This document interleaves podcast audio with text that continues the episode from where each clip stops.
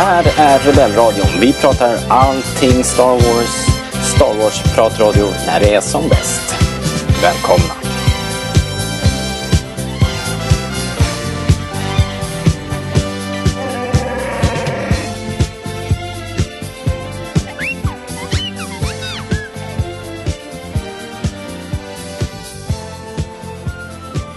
Du lyssnar på Rebellradion, svensk Star Wars podcast i samarbete med Stars.se. Och eh, idag fortsätter vi våran recension av eh, Star Wars eh, The Last Jedi, heter den väl? Episod 8. Och eh, det är jag och, eh, som heter Robert Lindberg och, eh, och eh, vår Star Wars-kompis Linus. Hallå, hallå! Hallå! Den sista jedin heter den ju. Ja. Jedin. Just det, just det, just det. Eller något. Jag vet inte. Jag trillade ner i det där anglofilhålet. Lätt jävla hänt alltså. Eh, ja, del två i våran, eh, man får nästan säga att de här är, är, är så här odysséer. Våra recensioner, de, de tenderar att bli längre än själva filmen. Eh, men, eh, men därför kör vi två delar. Så ja, har du inte lyssnat på del ett så, så gör det nu och sen så kom tillbaks. Behöver vi knappast uppmana någon om kanske, men, men det är ju så det funkar. Ehm, och ehm, alltså vi hade kommit en bra bit på väg.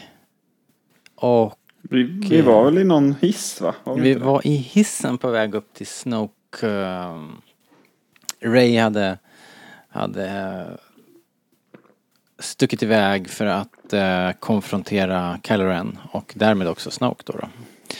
Eh, bland annat. Men ehm, innan vi kör de här recensionerna så brukar vi försöka liksom grunda filmen i sin samtid så att vi vet lite grann vart vi är. Och det här var ju då 2017 och för att vi ska komma ihåg vad som hände 2017 så brukar vi antingen köra en liten, eh, liten koll på samtiden, allmänna nyhetsflödet eller så.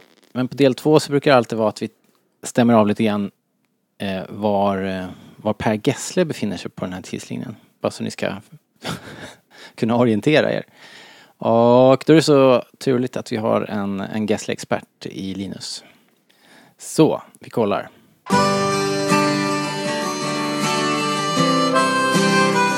Jag gillar Halmstad, jag gillar eh, att vara här. All right Linus, take it away. Var är, eh, where in the world is Per Gessle? Ja, han är väl någonstans på västkusten. eh, är mitt go-to-svar alltid. Ehm, nej, men på Gessle 2017, eh, Roxette bröt ju upp året innan för gott i och med Maries sjukdom. Så han skickade ut två soloalbum under 2017.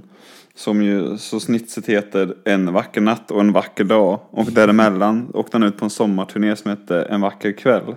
Det är ju jävligt givet eh, Japp. egentligen. Ganska snyggt. Man får ju säga det om Per Gessle ändå.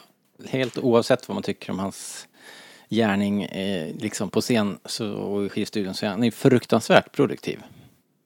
Mm. Liksom. Det är kul att du säger det för typ idag eller igår nu när vi spelar in så annonserade han ut att en, en- ett nytt album kommer nu i november.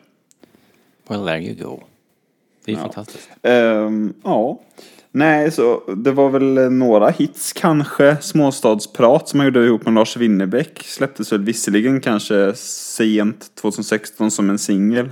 Men kom väl ihop med albumet senare på våren. Den ligger fortfarande på Eh. Svensktoppen typ. Ja, den, den spelades väl en del som jag minns det. Ja, ja. Mm, Fortfarande känns det som hela tiden. Eh, Ja, det kanske den gör. Jag lyssnar inte så mycket på radio. Ehm, och sen så, eh, kanske min favorit från de här två skivorna heter Första pris. Där sjöng han själv. Eller ja, själv sjöng han inte. Han hade med sig Helena Josefsson i vanlig ordning i och för sig. Ehm, men, eh, och den här sommarturnén var ju lite unik faktiskt. I det att han spelade låtar från både Roxette och Gyllene Tider utöver sina sologrejer. Han brukar annars hålla sig till ett språk liksom. Ja, ja. Ehm, Så det, var- det var en försting. Och, och eh, jag och Disa köpte ju ovetandes om, om eh, detta liksom biljetter till varandra i julklapp till den här turnén. Så vi fick ju gå på två eh, konserter. En i Törboda strax utanför Skövde. Eh, supertrevligt. Fick med oss massa kompisar. Och sen så var vi även en sväng i Halmstad såklart. Eh, senare på sommaren. Roligt. Ändå. Ja, det vart ju bra. Det vart ju liksom bra ändå. Trots att Och ni... du var inte på den här turnén hör jag. Mm, nej, det var jag inte. Mm, Jag har en svägerska som...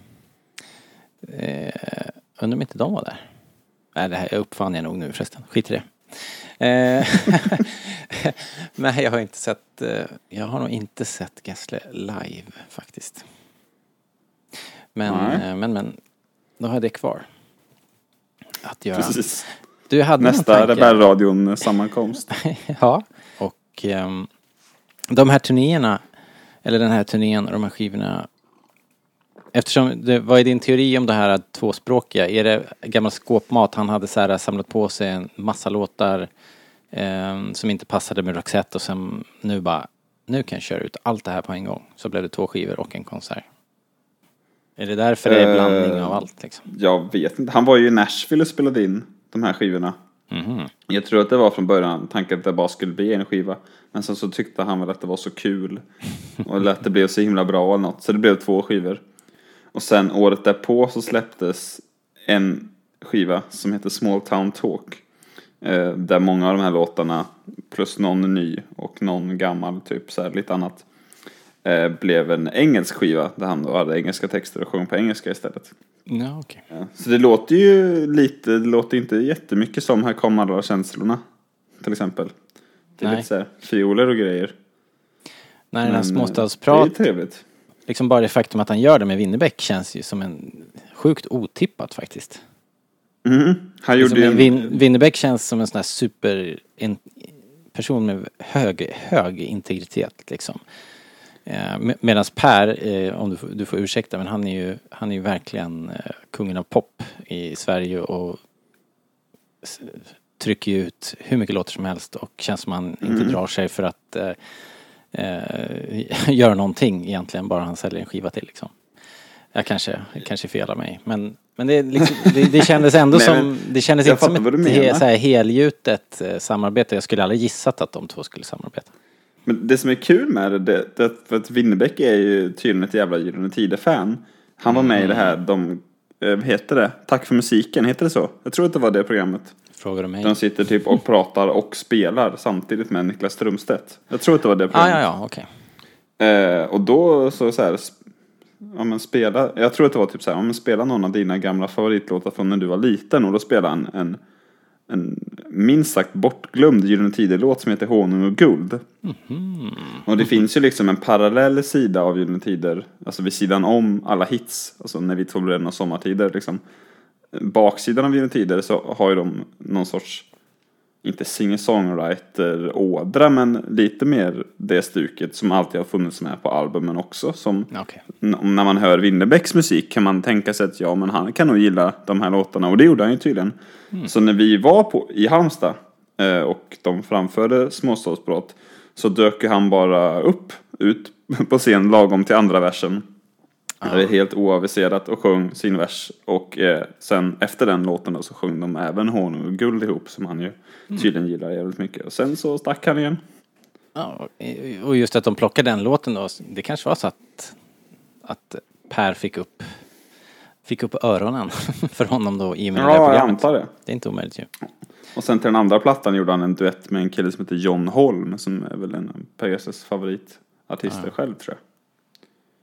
Niklas Strömstedt har ju också gjort den här äh, Per Gessle-dokumentären för övrigt. Eller Ro- Roxette-dokumentären. Så Men de har ju skrivit eh, de har texter jobbat ihop ihop. också. Så här, ja, precis. Ja, ja. Det om det. Nu, den här äh, Gessle-podden. Folk, folk börjar ju skruva på sig. Att det är för kort. Och vi får alltid höra att det är kanske lite märkligt. Men, ja, men nu har det ju blivit en grej. Så nu är det bara att vi, vi håller i. Och, och ni, ni som lyssnar, tänk vad mycket ni lär er. Det är fantastiskt. Tänk hur Eh, mycket du lär dig Robert. Ja, det är verkligen eh, ödmjukt. Eh. Nej men då så. Nu kickar jag igång den här Star Wars-grejen. Vi kör. When I found you, I saw raw,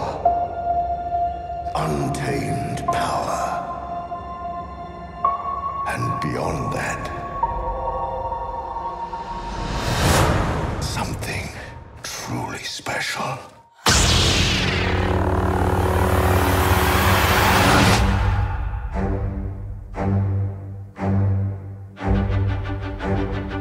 Something inside me has always been there. But now it's awake. And I need help.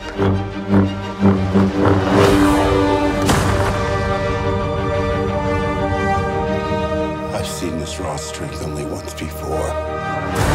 It didn't scare me enough then. It does now.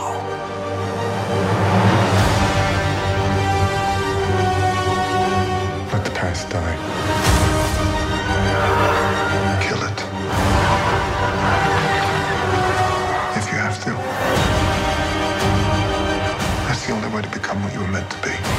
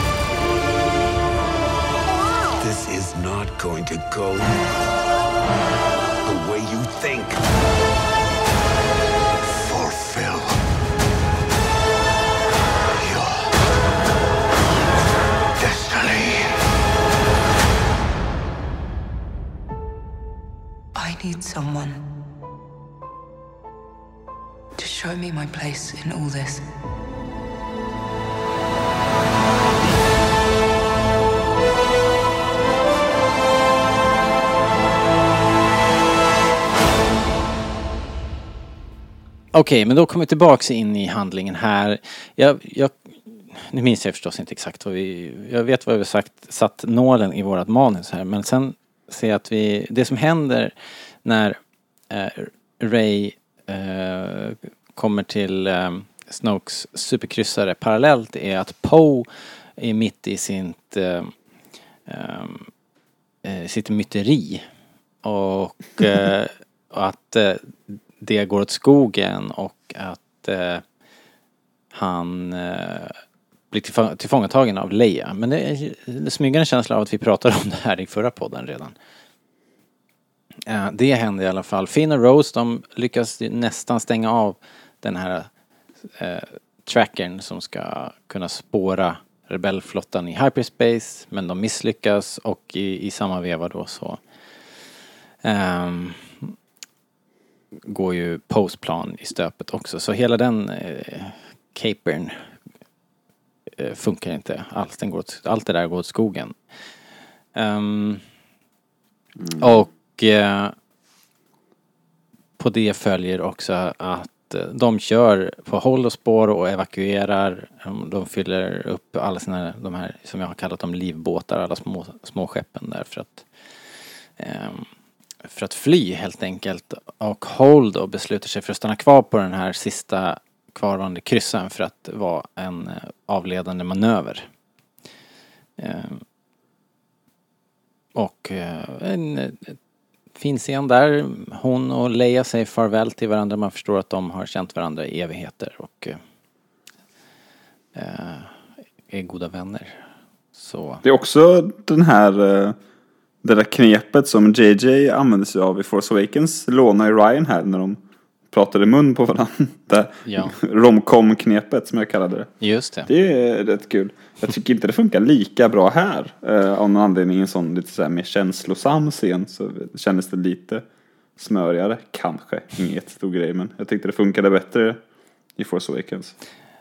Det känns, ah, jag vet inte, är det så här äh, åldersmobbing? att äh, man tänker att de här damerna i över, övre medelåldern inte, det är liksom en, det där känns som en ungdomlig grej ändå att Men jag tänker Han gör det och det tycker jag funkar bra. Han och Ray gör Åh det. nej, då är vi sexistiska också.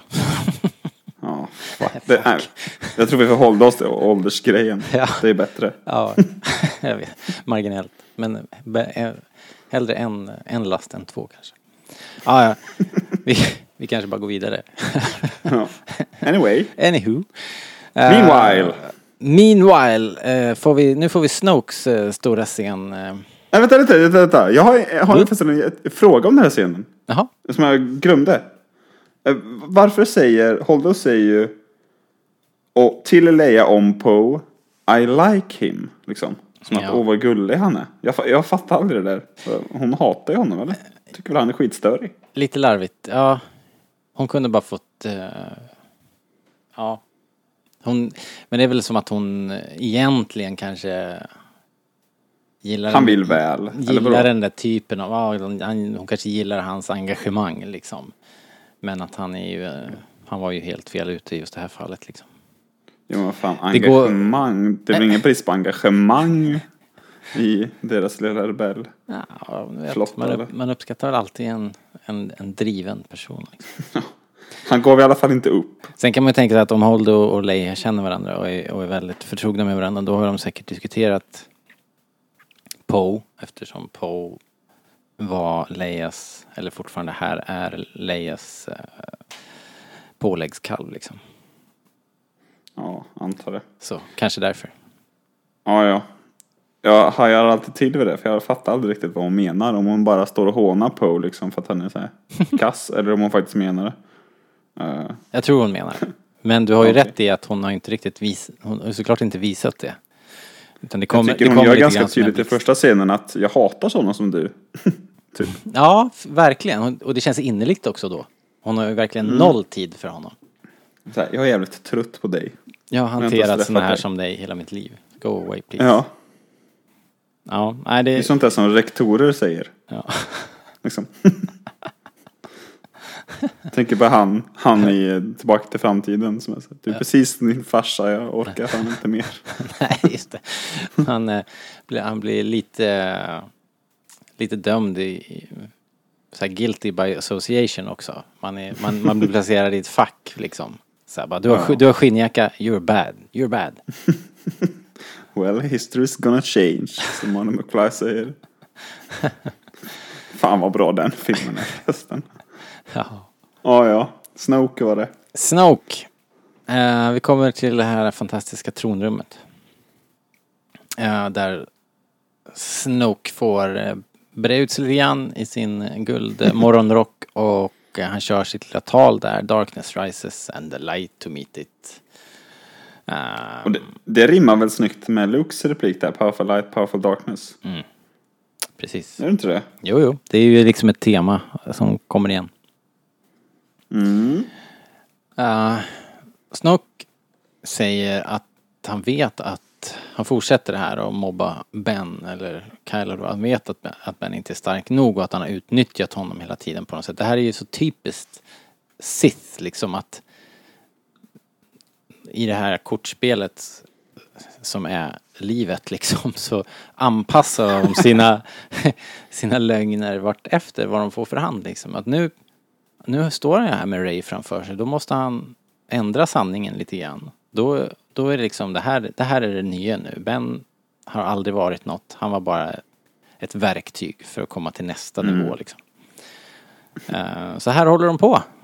Både i, i den här filmen och i väldigt mycket i nästa film också. Jag tänkte säga det, i nästa film är det ju fan gånger tusen där. Ja, verkligen. kejs- Kejsaren bara wingar sig igenom ja, hela den här upplösningen. ja, så det är ju åtminstone konsekvent eh, deras eh, manipulativa stil. Eh, så därför borde man inte vara jätteförvånad kanske när man får se det sen i, i nästa film. Vi får kom, försöka komma ihåg det här. Annars är han rätt läskig Snoke tycker jag. Jag tycker han är jävligt bra i den här filmen. Han lever på något sätt upp till hypen som man ändå fick lite från Force Awakens. det tycker jag också. Eller? Jo, men det tycker jag. Visst gör han det? Ja, det tycker jag. Eh, det finns... Det väl skådespelad, får man säga. Ja, jag är inget superfan av Circus... Oj. Oops, sa jag det högt? Jag hörde det. Men, eh, men jag, jag tycker ändå det här funkar, funkar bra. Jag, tycker, jag gillar Snoke som karaktär. Jag tycker han är, är, som du säger, han är läskig, creepy och bra. Det finns andra grejer med, med hela det här som jag inte gillar för att det är så uppenbart en rip på, på Jennys återkomstscenerna liksom. I, i, Det där kommer vi ju garanterat till det, alldeles det strax. kommer vi alldeles strax till. eh, Men jag tycker det är kul med Snoke. Jag var inne lite på det i Force Awakens avsnittet tror jag. mm, Att jag tycker egentligen att hans design är ganska ful liksom. För att han, han ser bara ut som någon har försökt måla liksom en ful, elak, läskig gubbe liksom. mm, ja. Och inte så mycket mer ungefär. Men eh, vi pratade också lite om att han visste är han trollkarlen från Os. Att han, det är bara bullshit liksom. ja. Och han är superstor och utger sig för att vara supermäktig. Han är ju verkligen tvärtom Yoda liksom. Mm. Och Att sen när han vi bara är big talk. Ja. Eh, Och nu när vi vet att kejsaren dessutom är där bakom och, Mm. och påverkar så blir ju den där liknelsen klockren. Faktiskt. Helt klart så. Um, allting ställs ju på sin spets här i alla fall. Uh, jag vet inte, ska vi... Ska vi göra som sist? Det klipps ju vi- ganska hektiskt här, ja. Ja, det klipps ju väldigt fram och tillbaka. Vi vet ju att Finn och Rose eh, de är fast och står för- inför avrättning, avrättning där med Phasma. Men det där är ju sån... eh, Vi kan helt enkelt bara nöja oss med att nämna det och eh, köra vidare Har du här. sett den bortklippta scenen därifrån? För övrigt. Mm, När ja, Rose biter Hux i handen. Yes. Det ser jättefånigt ut. Eh, ja, eh, fast ja. Eh, He, hela det där upplägget är, konstigt. Alltså det, det, jag tycker inte det är, eh, för det flyter inte någonting med hur de har eh, Nej, det känns så konstigt, hela grejen. Att de är inne i den där hangaren och liksom det, jag vet inte. Allting känns lite konstigt. Ja, alltså det är ju lite Star Wars-tradition. Att, eller jag vet inte om det är det. De gör det mycket i Empire Strikes Back i alla fall. Och en del i Attack of the Clones, att de klipper liksom mellan parallella äventyr på det här viset. Jo, det är Som, ju... för, som förr eller senare strålar samman. Mm. Och det är väl inget Star Wars unikt i och för sig om vi ska vara helt jävla transparenta här. Men, men jag tycker inte att det här... eh, Är, det lyfter inte riktigt här. Nej. Det är kan- lite jävla tradigt. Och vi pratade lite om det förra gången också. Då slängde jag väl ur med att jag vet inte om det är det att det är lite sämre och inte lika spännande och sämre skrivet och sämre klippt. Eller om det bara är så att man tycker det är så himla mycket mer intressant med Kylo Ray och Snoke än DJ Finn och Rose. Ta- jag tror de har inte, de har inte lyckats riktigt med tajmingen heller för att det är så här, den här avrättningen som de står inför den drar ut på tiden och det är det som, det som drar Mm. ut är ju liksom i, princip så har ju böden redan börjat svinga sin yxa och sen så tar det liksom tio minuter eh, innan Holdo-manövern som vi kommer till snart. Så Men, men vi, vi, vi behöver inte gräva ner oss mer där utan vi, jag tycker vi fokuserar på Snoke här. Snoke, Snoke har ju Ray i ett eh, järngrepp här. Och eh, fast hon verkligen försöker, hon är envis och hon anfaller Snoke flera gånger med Först med sin egen ljussabel, eller försöker, och sen eh, nappar hon åt sig eh, Kylos ljussabel. Men eh, Snoke är på tok för stark. Det har vi sett både nu och, och tidigare i tronrummet när han eh, bara kastar iväg eh, Kylo Ren liksom. Ehm, så att det, det ser verkligen eh, eh dystert ut. Eh, Snoke läser ju också Ray på samma sätt. Han har samma... Han har ju lärt eh, Kylo så att han har ju samma eh, force-kraft, Eh, den här möjligheten att eh, gå in och läsa hennes hennes minnen och sådär. Så, så helt plötsligt vet Snoke vart inte bara var Luke finns någonstans utan vad Lukes intentioner är. Mm. Eh, Så det ju, ser ju riktigt dåligt ut. Väldigt Dålig dålig, dåligt. För våra eh, hjältar. Ja. Ehm, och, Den är ganska laddad den här scenen. Det är mycket som händer och mycket som mm, avslöjas och, och eh, ja, ställs på sin spets som du brukar säga. Ja men verkligen. Det är ju verkligen Vi, allting här. vi hoppar ju nästan över det för det är någon form av cliffhanger innan de kliver ur hissen där när Kylo säger att I saw who your parents are. Och sen hinner de inte prata mer om det för att så det är jävligt mycket som, eller det är mycket att tänka på för eh, både publik och karaktärer samtidigt här känns det som. För min, för min del så var ju det, var ju det här som var det stora liksom. Eh, Så att det kanske är därför det känns också när de hoppar emellan, att man hoppar till, eh, till eh, Rose och Finn så är man inte så investerad. Liksom, utan det är Det blir lite B-laget liksom. lite så tyvärr, tyvärr. Snoke har ju liksom, nu har ju han allt han, allt han vill och, och det verkar inte som att han har för avsikt att omvända Rey nu utan nu är han klar med henne och han tänker få Kylo att, att eh, döda henne. Men nu lyckas ju Kylo lura Snoke då, då på ett jäkligt eh, väldigt lurigt sätt. Det telegraferas ju väldigt tydligt så att det var ingen överraskning egentligen när man man, så, man ser ju allting hända i, i slow motion i princip. Och ändå så blir det en liten så bara wow! De gjorde det liksom. Eh, det här var ju såklart sånt som vi hade pratat om innan. Kommer Snoke att överleva den här filmen eller inte? Vart, vart måste vi liksom ta oss i den här mellanaktsfilmen för att alla schackpjäserna ska stå på rätt plats eh, inför den sista filmen? Och jag tror vi hade eh, jag, kommer inte ihåg exakt vad alla hade satt sina, eh, liksom slagit vad om, men jag tror ändå att vi hade kommit fram till att Snoke är nog, är nog körd, liksom. På ett eller annat sätt så måste vi ha Ray och Kylo på, på varsin sida om konflikten och ingenting däremellan när vi är framme vid nästa film. Eller så var det i alla fall som jag resonerade. Jag vet inte, hur var det för dig där? Jag minns knappt, men jag tror också att jag lutar åt att att han, i alla fall att han skulle dö före Ray eller Ben. Det kände jag nog. Ehm, så stod det mellan dem så ryker väl han. Men samtidigt Ja. så tror jag att det fanns en viss eh, föraning om att han kanske skulle slåss mot Luke på något vis. Och där känns det ju mer öppet. Eh, faktiskt. På förhand. Att där skulle faktiskt Luke kunna stryka med på ett eller annat sätt och att Snoke då överlever. Eh, jag vet inte. Men eh, när vi väl, när scenen eh, blev längre och längre här så kände man väl att ja, Snoke kommer nog inte levande ur det här rummet. Eller? Eh, nej, precis, utan det... Man ser, man ser ju vad som håller på att hända. Och att... Eh, att, att eh, så att det...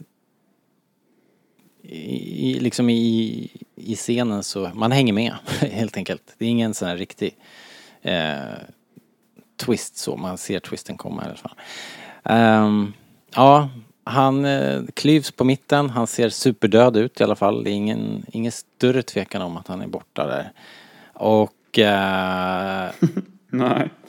då också tvingas nu eh, Ray och Kylo rygg mot rygg, eh, slåss mot de här vakterna, kejserliga vakterna, The Praetorian Guards. Och det här är ju en, jag tycker det här är en jäkligt eh, coolt eh, koreograferad fight och jag gillar vaktens arsenal och eh, eh, riktigt bra ljussabel action tycker jag. Jag kommer inte ihåg, du, är det du som inte gillar den här? Ja, det är jag. Det är du. jag, jag, alltså, jag, jag vet inte. Jag tycker sällan om när Star Wars försöker vara coolt och det blir slow motion och det ska vara de som slåss på ett häftigt sätt och kasta lasersvärd och eh, liksom. Nej, jag tycker det är fånigt. Sen tycker jag de här vakterna är så jävla dåliga. Så här, någon har typ med sig en yxa Ja, liksom, mot ett lasersvärd. det är väldigt Star Warsigt ju. Det är värdelöst. Det är inte så spännande direkt. Fast de, Eh, jag tycker de har coola grejer. De har ju de här äh, fräsiga... äh, de de är väl mer som, som, som, som, som svärd eller yxor som går och liksom bara... Ja, man, man äh, konfigurerar om dem och så blir de som piskor mera. Som, som, Ja, det är någon som har det. Den är, den är ju tuffast. som, Men, som, eh, som de kan... Och det, är- det är ju tur att de ändå har grejer som de kan parera ljussabel med. Annars så hade det varit lite ojämn fight. Ja, jo. Nej, jag, jag, jag är inte överförtjust i de här. eh, de är dudesen alltså. Eh, Ja, ja. Men rent... lite, eh, lite lame fight. Men det finns ju ganska, ah, det, det finns faktiskt en del som är coolt fight. med det. Jag tycker den är lame. Men jag tycker att det finns eh, rätt mycket coolt med den. Det är ju en jävla häftig musik faktiskt. Det är väl kanske det coolaste musiken i hela filmen. Eh, och det är så här häftiga närbilder på Kylo och Adam Driver spelar ju så. Han säljer alltid de här fight, alltså fight-scenerna så jävla bra tycker jag. Ja, men jag tycker faktiskt att det här är en av, en, en av, en av Rays bättre fighter också liksom. Jag köper... Och där håller jag bara inte med dig. Men, eh, Okej. men eh, jag gillar, en detalj jag gillar är när den här Praetorian Garden åker ner och i någonting och bara går i tusen bitar. Ja. Han liksom strimlar sönder. Det är Ja. snyggt som fan. Ja, man vet inte vad som händer där. Vad fan var det där för någonting? Fläkt. Ja. Eh, varför har han liksom en soptunna mitt i sitt tronrum? Det vet man inte. Det är Eh. uppenbara skäl tänker jag. Ja, han kanske gillar att slänga ner folk där ibland. Det kanske är så det är. Mhm. Det är som ett sånt där äh, avrättningshål. Det kan det vara. Ja. Det skulle inte vara omöjligt. Eh, men i alla fall, men sen rent grafiskt också med det här röda skynket som brinner upp samtidigt. För att Det är coolt också. Eh, de vinner ju fighten såklart eh, och eh, Röken lägger sig där och Ray tror att det är över och hon skyndar sig att, eh, att eh, eh, be Ben då som hon hoppas att, att hon ska att sluta skjut på rebellrörelsen. Du kan, rädda, du kan fortfarande rädda dem och sådär. Men eh, Ray han missuppfattar väl Kylo Rens eh, mord av Snoke lite. Mm. Precis. tänker väl att ja, men nu är han ju Rebel Fighter liksom. Exakt. Men han är mer så här, nej, Nej. jag bara var fett, fett arg. Ja. Jag tog över här nu lite grann. Jaha. Du, nu hoppade vi över det här som vi, som vi knorrade lite om att ehm, när, när Snoke eh, s- håller på och monologar här och sätter press på Ray så, så visar han ju upp att de håller på Springer liksom, sk- skjuter ner rebellerna en efter en och det är ju det är liksom li, lite väl eh, så här, klipp och klistrat från kejsarens tal när han håller på och stressar Luke där att eh, your faith in your friends is your weakness och allt det där. Det är ju det är ja, lite väl, lite väl nära. funkar inte skitbra. Men det som det dock gör tror jag att det, det känns som att det blir en ganska snygg eh, luring. För att det känns som att man då kanske tänker sig att jaha, liksom för att vi vet, vi har ju hört det här med att Star Wars ska rimma och sånt. Så tänker jag så ja okej men nu vet vi vart det här kommer leda. Hela den här scenen liksom. Eh, och sen så tvärvänder de. Och nej, så kommer det inte gå. Eh, och det gör de väl, vi var inne på det lite med DJ också, att DJ är ju Han Solo fast Ja, inte snäll. Och det här är en liksom omvänd tronrumsscen och sen så får vi en, en twist på en eh, lasersvärdsscen på slutet också, en lasersvärdsfight. Eh, så att på så sätt tycker jag det är rätt snyggt och det är väl det filmen har, det har vi, vi väl också pratat om att den bryter väl lite ny Star Wars-mark liksom. Så på så sätt så funkar det ganska bra men jag vet inte egentligen vad jag tycker, just i stunden tycker jag nog att det är lite lamt. det är lite, det känns lite eh, oinspirerat att bara ta eh, precis samma, precis samma grepp. Men eh, det här är ju sånt som jag har blundat för förut så jag vet inte varför det sticker ut så mycket här. Eh, för mig. Men eh, i alla fall.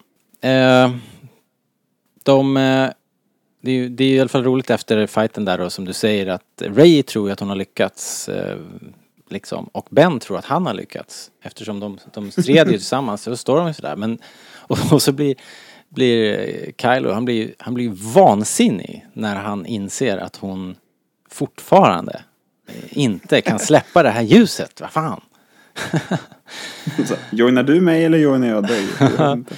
Ehm, ja, och eh, det slutar med att ehm, Ray försöker snappa åt sig ljussabeln, sin, sin ljussabel med kraften och eh, Eh, Kylo reagerar och det blir en dragkamp och sabeln blir hängande där i mitten. Och det här händer precis samtidigt som Admiral Holdo på bryggan av rebellkryssaren eh, har fått nog av att se de här eh, små skyttlarna, livbåtarna bli nerskjutna en efter en. Så hon tar, tar till en helt vild plan här. Hon vänder kryssaren rakt mot Snokes superkryssare rammar den i överljudsfart.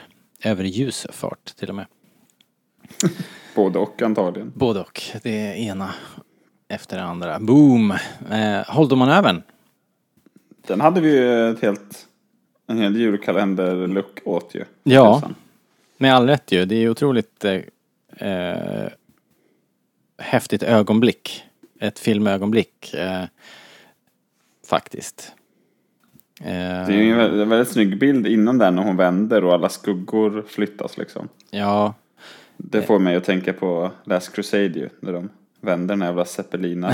ja, just det. Bra filmtricks så att man ser hur, hur, hur ljuset Ja. förflyttar sig i cockpit. Eller ja, Tjusigt! tjusigt värre. Och sen det här att det blir tyst eh, en stund. Eh, det är ju Vad fan är det om? ett Star Wars-trick. Det, det, det, de tog det ju väldigt långt här och de fick ju enligt eh, en del uppgifter sätta upp lappar på biografer så här att eh, det är inte fel på filmen. Det är tyst i tio sekunder i filmen. Det, det ska vara så. Håll käft och titta bara. Ja, precis. Det här eh, skakar ju naturligtvis om då den här enorma eh, kryssaren som, som alla är på, eller vad heter det? Star Destroyern som alla är på. Både Kylo Ren och Ray och Hux och är ju där och vi har eh, Finn och Rose eh, tillsammans med Captain Phasma och hela gänget. Alla är ju på den där Star Destroyern som, som nu klyvs på mitten. Så man tänker shit, vem, vem, eh, vem lever, vem lever inte? Det, det snackade vi lite om i uh, julkalendern. Att det är så häftigt, man är ju van vid att när någonting händer i Star Wars så blir det bara en stor explosion och så är allt borta. Ja, just det. Det är liksom kul med den här eh, liksom bombade hangarfartygskänslan under andra världskriget liksom. Att, att vatten väller in och Ja. det går åt helvete. Precis. Istället för att, det är också ett nytt spännande grepp faktiskt. För jag tänkte "Oj, nu jävlar, nu dör ju varenda jävel där. Men det gjorde de ju inte. Nej, det gjorde de inte riktigt.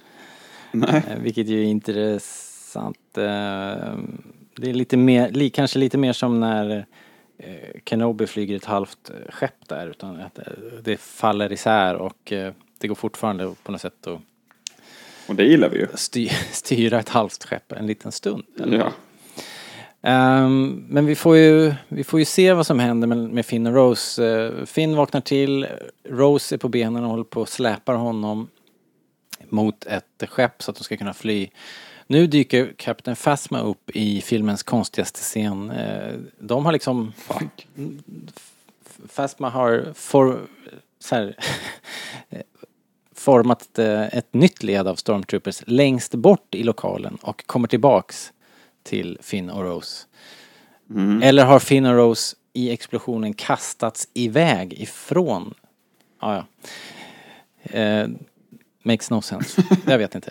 Hur som helst, det blir en uppgörelse där. Eh, de snor en skyttel, tar sig därifrån med hjälp av BB-8 i den här eh, hemska ATST-scenen som, som vi helst Det är ju vill glömma. värdelöst. Faktiskt jättevärdelöst. Eh, Alltså, och tyvärr är ju Finn och Phasmas fight lite så här halvtuff också. Han har ja, ju en snygg entré Phasma där. Och det, och det är ju coolt att hon bara står och inte bryr sig när Rose skjuter på henne. Men ja, fighten är ganska lång. Hon spöar ju Finn egentligen som bara överlever på ren tur. Och sen sucker punchar henne i nyllet liksom. ja, Ja, jag tycker inte det här inte den bästa striden alltså. Nej, det är ingenting som jag som jag längtar efter när jag tittar på den här filmen faktiskt. Rebel Scum är en snygg eh, replik dock. Och Ja, det är ju det är helt rätt och, ändå skönt att de där två fick göra upp eh, ändå. Men, eh, men, men. Nåja. Robert. De drar iväg i alla fall. Uh, Hux hittar Kylo. Kylo Ren avsvimmad i tronrummet där. Och så här, det här däremot tycker jag är briljant. Hux tänker att eh, okej, här har jag min chans. Så han, Nu, han, handen rör sig till hölstret och han ska precis eh, ta fram sin lilla blaster där och göra slut på, på Kylo när, när Kylo vaknar och vips så fegar han ur Hux och stoppar tillbaks eh, blasten så blixtsnabbt så bara hoppas ingen såg något liksom. Också kul den här extrema närbilden på Snoke med tungan ur mun. Och... Ja, Det är Ja, så det- jävla dumt va? det är verkligen eh, ful, eh, ett fult lik. det är väldigt o, o, eh, o vad heter det? Ingen respekt, o, orespektfullt. Ehm, Eller något sånt. eller något. Hux ser sig ju som jämlike med Kylo här och, och skäller ut, skäller ut Kylo Ren för att han på något sätt tar sig friheten att tala om för armén vad de ska göra. Vi har ju ingen ledare längre, du kan inte hålla på och bossa omkring här. Men det, det där... Eh, Kylo sätter sig... eh, eh, Han gör processen kort Ja. med nyval och sådär. som bara en Sith-aspirant kan med ett rejält strypgrepp liksom. um, Ray får vi höra i förbifarten här har snott en, en skyttel, kejsarens skyttel till råga på allt och dragit iväg. Uh, första ordningen borde ju faktiskt uh, beefa upp säkerheten kring sin skyttelparkering tycker jag så här i efterhand. Man, man kan ju köpa det nu när skeppet exploderar tycker jag. Kanske lite stökigt just nu. Ja, så kanske det var. Men eh, vad, tycker du om det här med att lasersvärdet går i bitar? Det känns inte som att vi kan hoppa över det hur som helst eller? Ehm, nej, men det Det är är inte ju... vilket lasersvärd som helst. Nej, känna. precis. Det är ju en, det är liksom en ikonisk eh, eh, liten bit av Star Wars som, som går mitt i tur där. Jag vet inte, jag tycker det var coolt eh, faktiskt. Eh, också Mm. otippat och det, det liksom man är ju lite trög, man fattar ju inte. Vad är det med de här två? Varför är det så var, Varför är det sån fokus på de två? Och, och hur kan de vara helt jämspelta? Eh, I min medelålders hjärna så, så hejar man på Rose fortfarande för att hon är så här lite... Ray menar du? Ja, sa jag Rose nu? Ja, Ray Ja, såklart. Att, att Ray, eh, att hon är underdog. Men allting hon gör, liksom allt vi får se hela tiden, så här, gång efter annan, visar ju att hon är superstark i kraften och, och, och kan klara sig själv i de mest eh, svåra situationer och, och behöver inte hjälp med någonting egentligen utan hon är ju extremt kompetent och eh, men det är ju det att hon är kanske inte hon, hon förstår ju inte själv riktigt heller och där, det är väl där man ha- halkar Men, snett. men är de inte lite inne på det redan här som, som Rise of Skywalker utnyttjar mer att, att liksom hon inte kan kontrollera sig själv, att hon är rädd för sin egen, att hon liksom behöver hjälp med sig själv. Oj. Hon kan ju, hon kan ju klara sig själv liksom, hon kommer inte åka på däng direkt, men att hon är mer, hon är orolig för vad hon har, alltså mörkret inom sig helt enkelt, kan man väl uttrycka det krasst.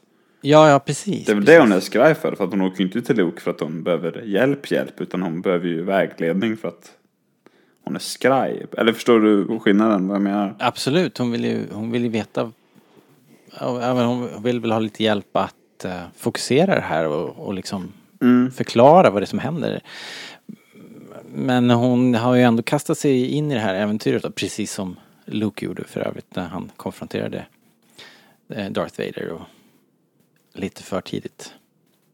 Det, det är en ganska häftig dragkamp det här egentligen. Alltså om man tänker på vilka det är som fightas om vad. liksom. Ja, Eh, eh, och, det blir häftigt för att de slåss väl lite om att liksom i Kylos fall är det väl att liksom leva upp till ett ideal eller liksom ett blodsarv på något sätt med Skywalker-sabeln liksom. Den tycker han ju är hans. ja, Och Ray slåss väl lite om för att spela roll liksom. Ja men som Kylo säger sen att du har ingen plats i den här historien. Dina föräldrar är ju bara alkisar eller vad, nu är de dö- döda liksom. ja. Så det, det är rätt häftigt på det sättet tycker jag ändå. Och sen så, liksom, fuck you, ingen får den. Nej, precis. Hälften hälften.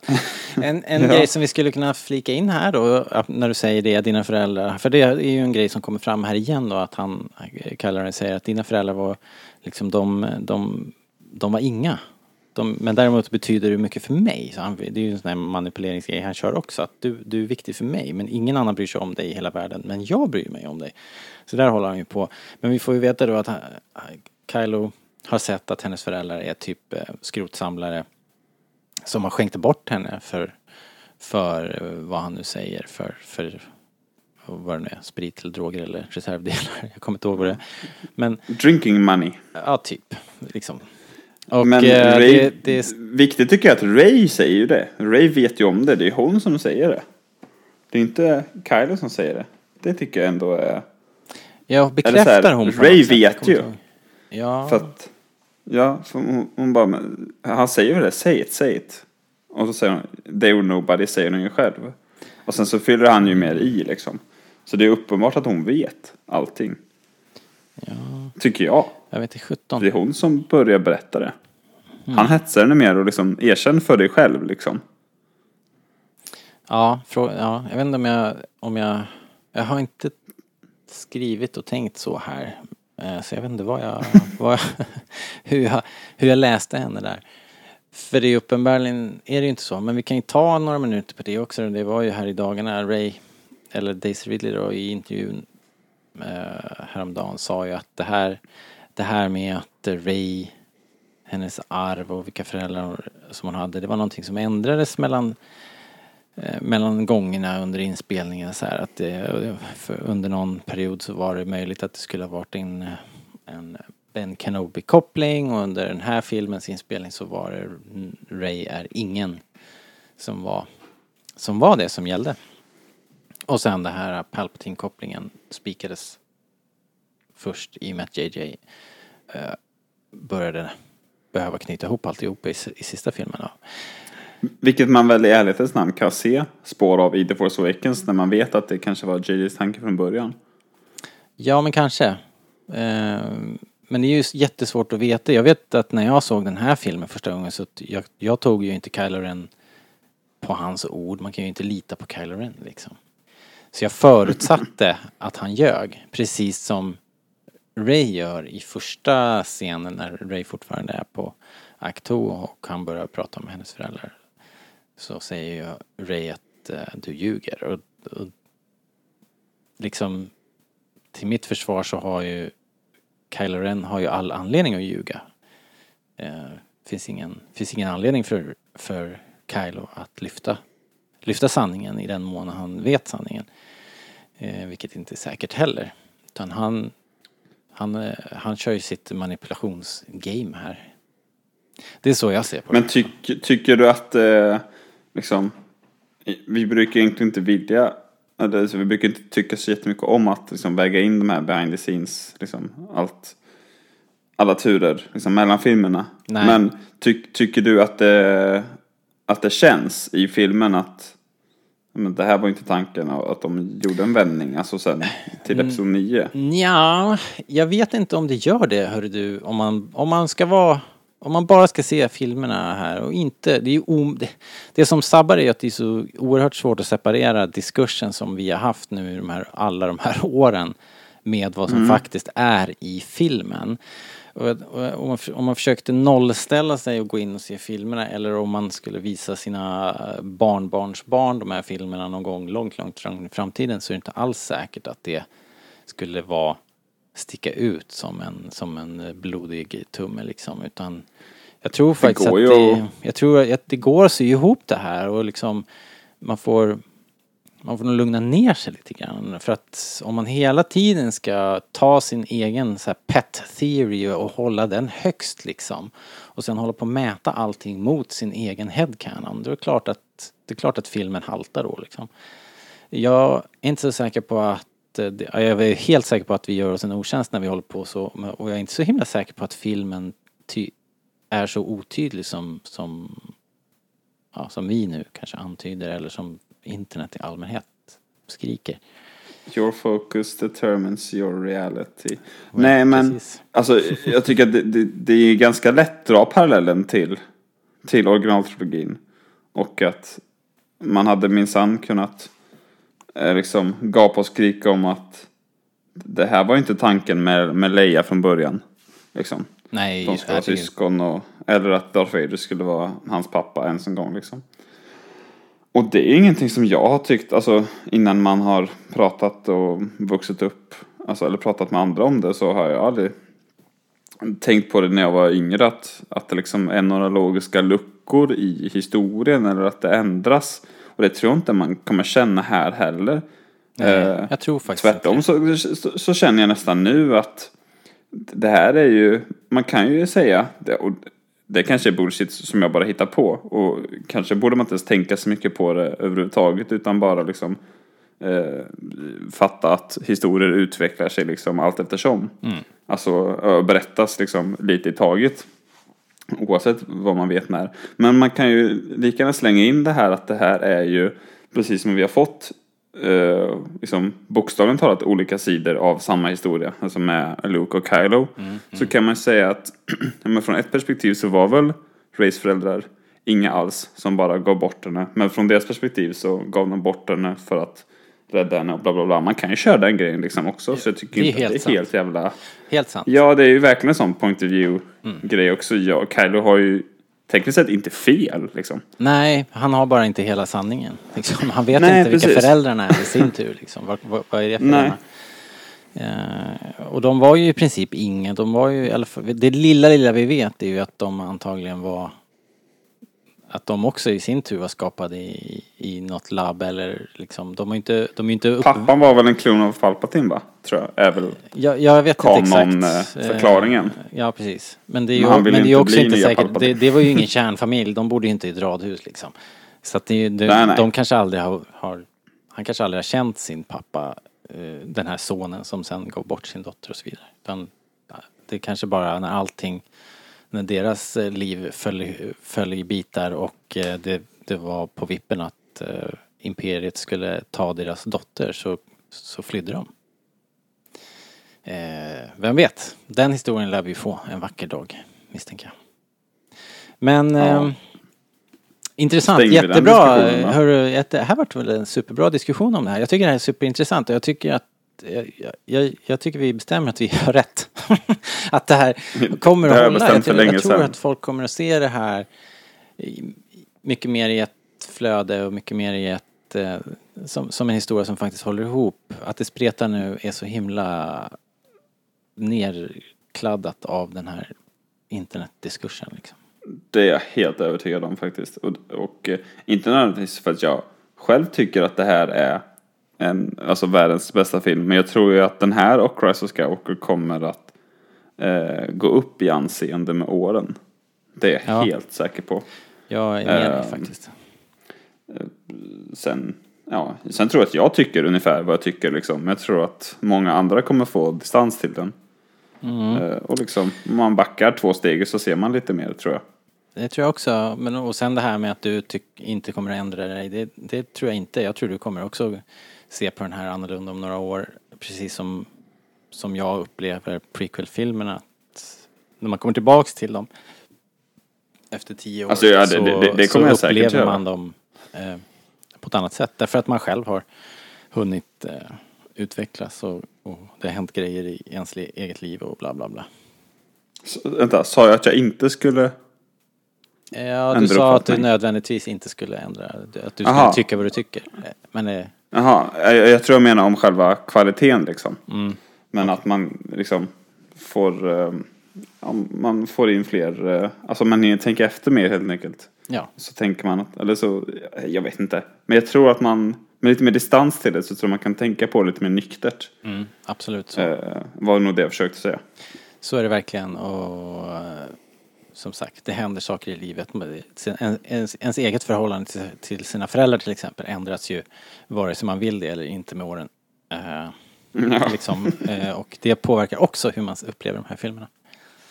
Eh, kan, jag, kan jag meddela här från framtiden. Eh, Robert från framtiden. Ja. Var är vi nu? Vi är eh, Vi är rebellerna på till då. Crate. Ja, de har ju... eh, Vi har nu kommit fram till Holdos mål.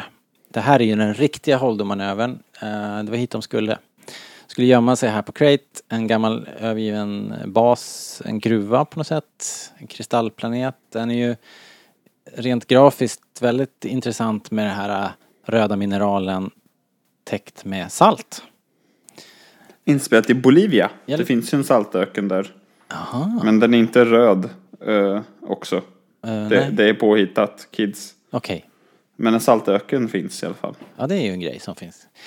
Eh, coolt. Vi får ju eh, en glimt av de här märkliga kristallrävarna som, som eh, skramlar omkring där. Leia står under den här enorma Star Wars-porten och ser mäktig ut i solnedgången och Rose och Finn kommer in för kraschlandning.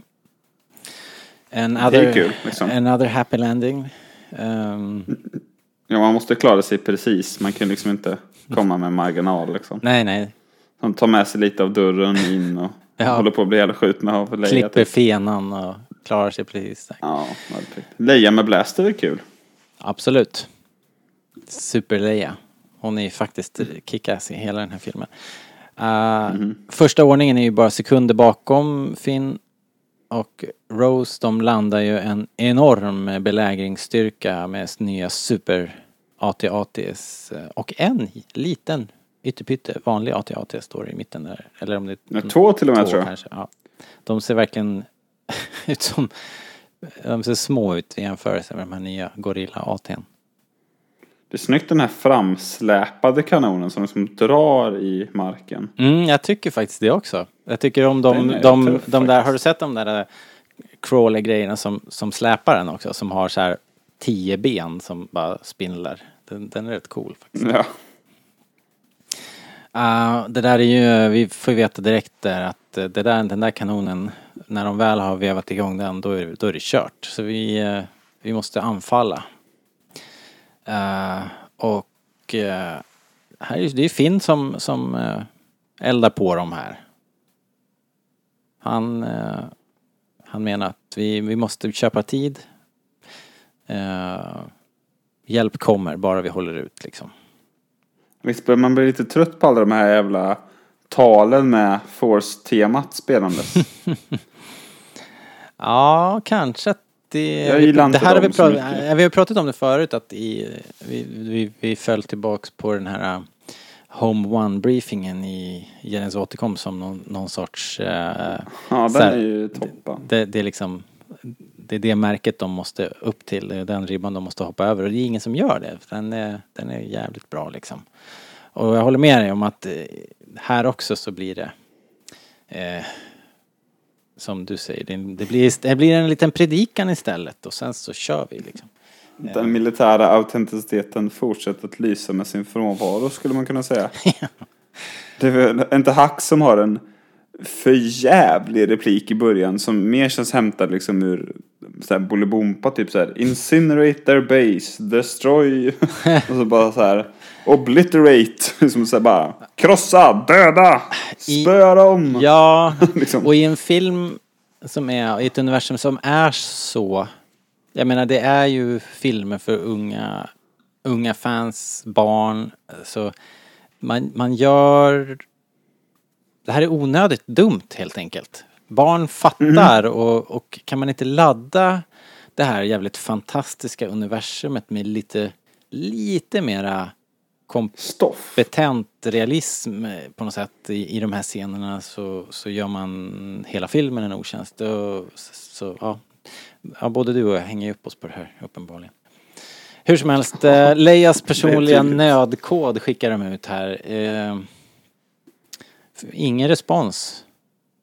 Den tas Nej. emot, ingen vågar svara. Vi får, vi får höra i nästa film att det var ingen som vågade svara för att, för att ingen vågade svara.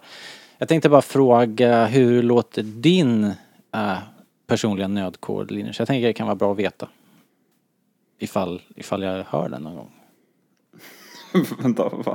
Eh, ja, Eller har du ingen? Liksom, det det, kanske man skulle ha en. Jag tycker du ska sätta ihop en och eh, så delar du med dig den så att folk vet. Okej. För att annars så kommer det bli så här framöver. Ingen vågar komma. Nej, ingen kommer ju fatta. Vad är det här för jävla... Ja, okej. Vad är det här för kod? så det kan vara en sån grej också att det är liksom, hon hade inte... Hon kanske inte hade talat om för någon att det där var hennes hemliga kod. Jag vet inte. Jag vet inte vad som hände. Fan vet jag. Ingen svarar i alla fall. People believe in Leia, säger Finn, men det gör de tydligen inte. Skit. Miscommunication. Ehm, Ja. hur som helst. Poe och alla andra som kan köra en speeder, inklusive Finn. Tydligen. Och Rose är tydligen pilot nu också. Rose kan... Det här, sånt här tycker jag i och för sig inte... Det här är ingenting som jag har problem med. Det här är ju liksom... Nej. Det är bara att köra. Inte jag heller egentligen. Mm. Alltså jag, jag bryr mig inte. Men jag hajade till lite just eftersom det var Rose och att de gjorde som poäng av att ja, men det är hennes syrra som flyger och hon liksom sköter allt där bakom. Så, så Japp. då reagerar det ändå. Finn reagerar inte på men när man funderar på det så är det ju egentligen minst lika dumt. Ja, Eh. eftersom de gör en sån stor grej av det i förra filmen att han inte kan flyga. Men vi kanske kan... Ja. Man kanske kan liksom ändå säga... För att det här är speeders. Ja, alltså jag bryr mig inte så mycket egentligen. Men eh, då börjar jag också tänka så här, ja men vad fan. Han inte Leia kunnat flyga då? Jo, han har Hon säkert. flyger fan Falken. Ja, Men det är så här hon åldersgrej vi snackar om. Hon flyger ju genom djungeln i... På en speederbike väl? Ja, visst fan, det gör hon ju också. Hon kanske aldrig kör en, eller gör hon det? Hon trillar av en. Jo, det gör hon. Ja. Ja, hon kör. Ja, ja. Det kanske är en eh, young Speeders man's tror jag är som game cyklar att... i Star Wars. Alla kan köra en speeder. Liksom. Ja, ja. De här är ju i alla fall okej, fallfärdiga. De är ju supergamla. Och- det är kul, eh, tycker jag ändå, när Poe drar foten rakt igenom. Liksom. What the hell. ja, och det är precis vad man tänker. Ja, det är Ehm. roligt som fan faktiskt. Vi får ju ett regissörsinhopp här också. Ja, just det. När de är mm, utanför i skyttegraven där. Ja, Gareth Edwards Gareth tittar Edwards förbi. dyker upp, ja. Ehm, Och för Ryan Johnson är väl med i Rogue One också. Men det kommer vi till när vi gör det avsnittet kanske. Eh, ja, det får vi återkomma till. Är han? Mm. Okej. Ja du. Jaha. Poe inser ju då eh, rätt snabbt att eh, det här flygföretaget är kört. De, eh, de dör som flugor. Han, så han lär, lärt sig läxan då från, från första, f- första eh, gången här i tidigaste filmen när Vad är ens planen? För de har ingenting att skjuta ens ju. De åker ju bara runt. De ska väl skjuta sönder den här kanonen. Det är väl planen från början. Vi måste förstöra den här kanonen så att, så att Ja men deras speeders har väl inga, har väl inga vapen? det... Jo men de har en liten kanon där på sidan. Men de får aldrig iväg några okej. vettiga skott, liksom vad man kan Jaha. se va. Hur som helst. Eh, så det, han beordrar ju under reträtt. Men Finn har fått nog. Och tänker att eh, nu eller aldrig, jag är trött på det här. Jag tänker köra rakt in i den här kanonen och göra, göra slut på mig själv också i processen. All right, you alien assholes! In the words of my generation, up yours! Jag eh, trodde nog när jag såg filmen att han verkligen skulle göra det här. Faktiskt. Det är det som gör det, oavsett vad man tycker om det inte, men det är det som gör, säljer twisten. Mm. Liksom, för att det hade funkat så himla bra som en liksom, upplösning på hans historia, liksom, från att vara självisk till att vara osjälvisk. Ja. Eller så. Det, hade ju, det, det känns ju naturligt eh, på det viset. Ja. Men eh, vi fick oss en annan läxa istället. En annan twist. Ja, och, och en som faktiskt smäller högre ju. Eh, för att eh, Rose prejar honom då på ett jävligt farligt sätt får man ändå säga. Men man vet hur skramliga de här skeppen är. Och så om man bränner in i varandra i den där farten så, så ja då kan det gå illa. Men de överlever ju den där kraschen och eh, eh, Rose skadar sig i och för sig. Finn skyndar över och hon säger att eh, hon älskar honom och this is how we win. Not by destroying what we hate but saving what we love. Ja, Och det är fint för att hon eh, har väldigt torskat sin syrra liksom. Ja. Ja, Eller vad man säger. ja. ja men det är ju, jag tycker ändå det är bra. Den här typen av eh, budskap är ju verkligen någonting att ta med sig. Det är ju väldigt eh, eh, allmängiltigt. Jag tror, jag tror på det där faktiskt. Det, ja, det är ju fint så. Jag tycker att det är bra men eller alltså den här twisten då som vi pratar om. Jag gillar nog den egentligen. Men det uppstår en del lite så här, lite logiska luckor. Och, så, och jag tror att vi kommer väga en del så här logik mot eh, bra eh, historier snart. Ännu mer. men eh, men liksom, som du sa, kollisionen känns ju inte ofarlig i sig. Eh, kan man inte säga.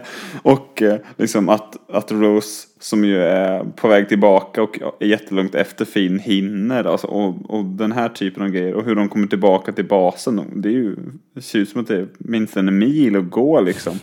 Jag vet inte. Men det, visst är Jag det någon inte, men- liten, jag tror att man ser den lite senare de skubbar tillbaks där. Ja, Ja, man ser de som kommer fram. Ja. Eh, I jag bakgrunden där så ser vi ju nu också att första ordningen skjuter hål på porten med en stor jävla smäll. Det är snyggt faktiskt.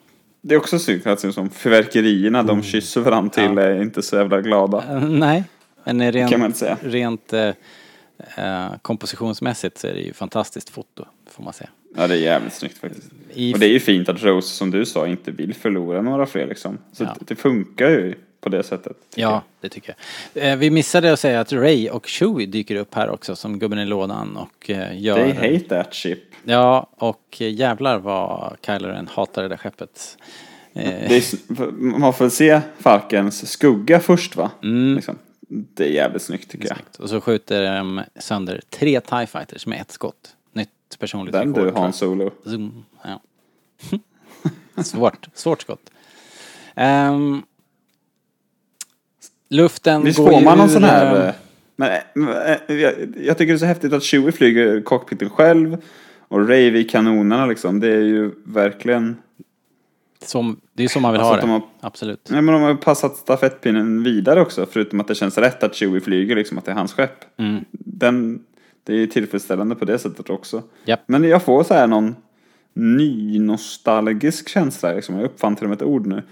Mm. Eh, och, och visst, men eh, jag tycker det känns också som att att det, att det alltid kommer komma nytt Star Wars som liksom bär tradition och legend och arv vidare på Mm. det sättet. För att jag tycker Falken förkroppsligar liksom det så jävla snyggt. Eller? Eh, Men man kan se det genom Falken på ett snyggt sätt i den här filmen. Ja, har väl... Vi har ju Luke Artus liksom tillbakablick och sen har vi det här. Ja. Och, och hela rebell...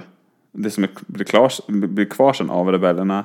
Du menar att... I Falken. Du menar i den mån att Falken är tråden eller länken mellan det gamla och det nya. Den, den liksom Ja, eviga precis. konstanten liksom. Ja, det är väl lite så de har Ja. försökt att lägga upp det och, och att Falken på något sätt är en egen karaktär och bla bla. Ja, det är jävligt snyggt bara. Och det är väl nice. Det, ehm, det känns som att Star Wars aldrig kommer ta slut på ett bra sätt. När jag ser Ray vid kanonerna och Chewie i, i spakarna liksom. Det här är ju en omvänd, helomvändning. Du har ju alltid predikat att de ska spränga eh, det där skeppet med, eh, med robotar. Ja, så då kan ju ro- robotarna spränga skeppet om helst. de vill. Om- Men eh, man kan ju fortfarande bära traditionen vidare ändå. Tycker jag. Hur menar Spräng du? Jag- skeppet i episod 10 om ni Jo men den här traditionen jag pratar om måste inte nödvändigtvis eh, knytas till Falken. Men just i den här filmen så använder de Falken till det. Ja, ja. ja, du menar den svepa in i, i elfte timmen och Ja, rädda dagen liksom. Ja, Mm, typ. Ja, Lite luddigt och jag vet inte exakt själv vad jag menar heller. Men jag tycker det är jävligt snyggt i alla fall. ja. eh, det enda jag har att, att anmärka på är väl att igen så, så dyker de upp precis där de måste dyka upp. Vi sa ju sist att man inte förstod riktigt hur de hittade eh, till eh, Eh, Snokes flotta och, och eh, eh, och sådär och nu är de här liksom. Ehm, och eh, då får man också förklara för sig själv att Ray hittade tillbaks till Chewie väldigt snabbt i den där skytten hon snodde. Så att jag menar Rays, Rays resa här är ju lite hoppig och skuttig tycker jag själv. Men det går, Alltså, jag men det går, bara men det går fort. Chewie har väl snackat med dem eller? Ja. ja. Nej. De har snackat ihop sig och vi fick inte vara med i den konversationen, den saken är klar. Ja. Men men, eh, men det är snygga scener, det är snygga flygscener, det är coolt faktiskt. De ska alltid flyga in och igenom saker och ting i alla filmer och här är det ju genom de här röda kristallgrottorna och det, det är faktiskt jävligt snyggt tycker jag. Ja, men du vet ju att jag inte gillar när de återanvänder musik. På det där Eh, sättet. Alltså jag är ju tydligen döv, det här är ingenting som registrerar men kör om den här eh, är det, vilken, vilket är det? Är det, är det? Kanske flykten från dödsstjärnan Ah, grejen från Episod 4. okej, okej. Det är lite såhär greatest hits eh, känsla. Jag gillar inte det. Nej, okej. Jag tappar, jag fattar ju så här. de kommer inte krascha till den här musiken. Det fattar man ju. Eller så här, det blir inte spännande då. Nej, okej. jag, kan, jag kan tyvärr inte bidra med någonting här. Jag, för det här är ingenting som jag snappar upp. Min hjärna funkar Ah, okej. inte så tyvärr. Tyvärr. Men du, du, du kan wish. ta mitt ord på det. Ja, det gör jag. Robert. Det gör jag, det gör jag såklart. Ehm, eh, ja, men eh, luften går ju ur om våra motstånds, motståndsmän in i grottan lite grann nu då när porten är paj. Eh, Leia sjunker ihop eh, när hon eh, förstår att ingen kommer att hjälpa dem och slaget är förlorat. Eh, den här lilla lågan, upprorsgnistan, har slocknat i, i galaxen. Men The spark is out. vem är det som kommer lufsande där bakom? Vad är det för en? Är det? Är det Luke? Det är Luke som kommer. Va? Vilken grej. Vilken twist. Eh, Och han har varit hos Jag blev frisören. jättechockad. Ehm, Det är ju en fin scen där mellan syskonen tycker jag. Det är det ju. Jag kom för att möta honom men jag kan inte rädda honom säger Luke och eh, jag vet inte om Leia kommenterar någonting med Solo där och eh, är det då Luke säger att no one is really gone forever? Gone Nej, hon säger väl liksom att ja, jag vet att han är förlorad typ. Eller Ja, ah, just det, vad så det var. Mm. Hon medger väl det. Just. Och då säger han nej, det var inte det jag menade. Det är Ah. fett oklart vad Luke menar egentligen. Men det är ju fint ändå. Nej, precis. Nej, det är klart. I, i efterhand så eh, så vet vi inte vad han refererar till där. Det är ju- Allt det här är ju lurigt såklart. Ehm, vi Det får är ju... också roligt att när de, när de typ träffas igen då och Luke ska öppna munnen så säger Leia åt honom att vara tyst. Mm, Så jag vet vad du ska säga. ja. Det är kul. Han ger Leia de där tärningarna som han snodde ur falken.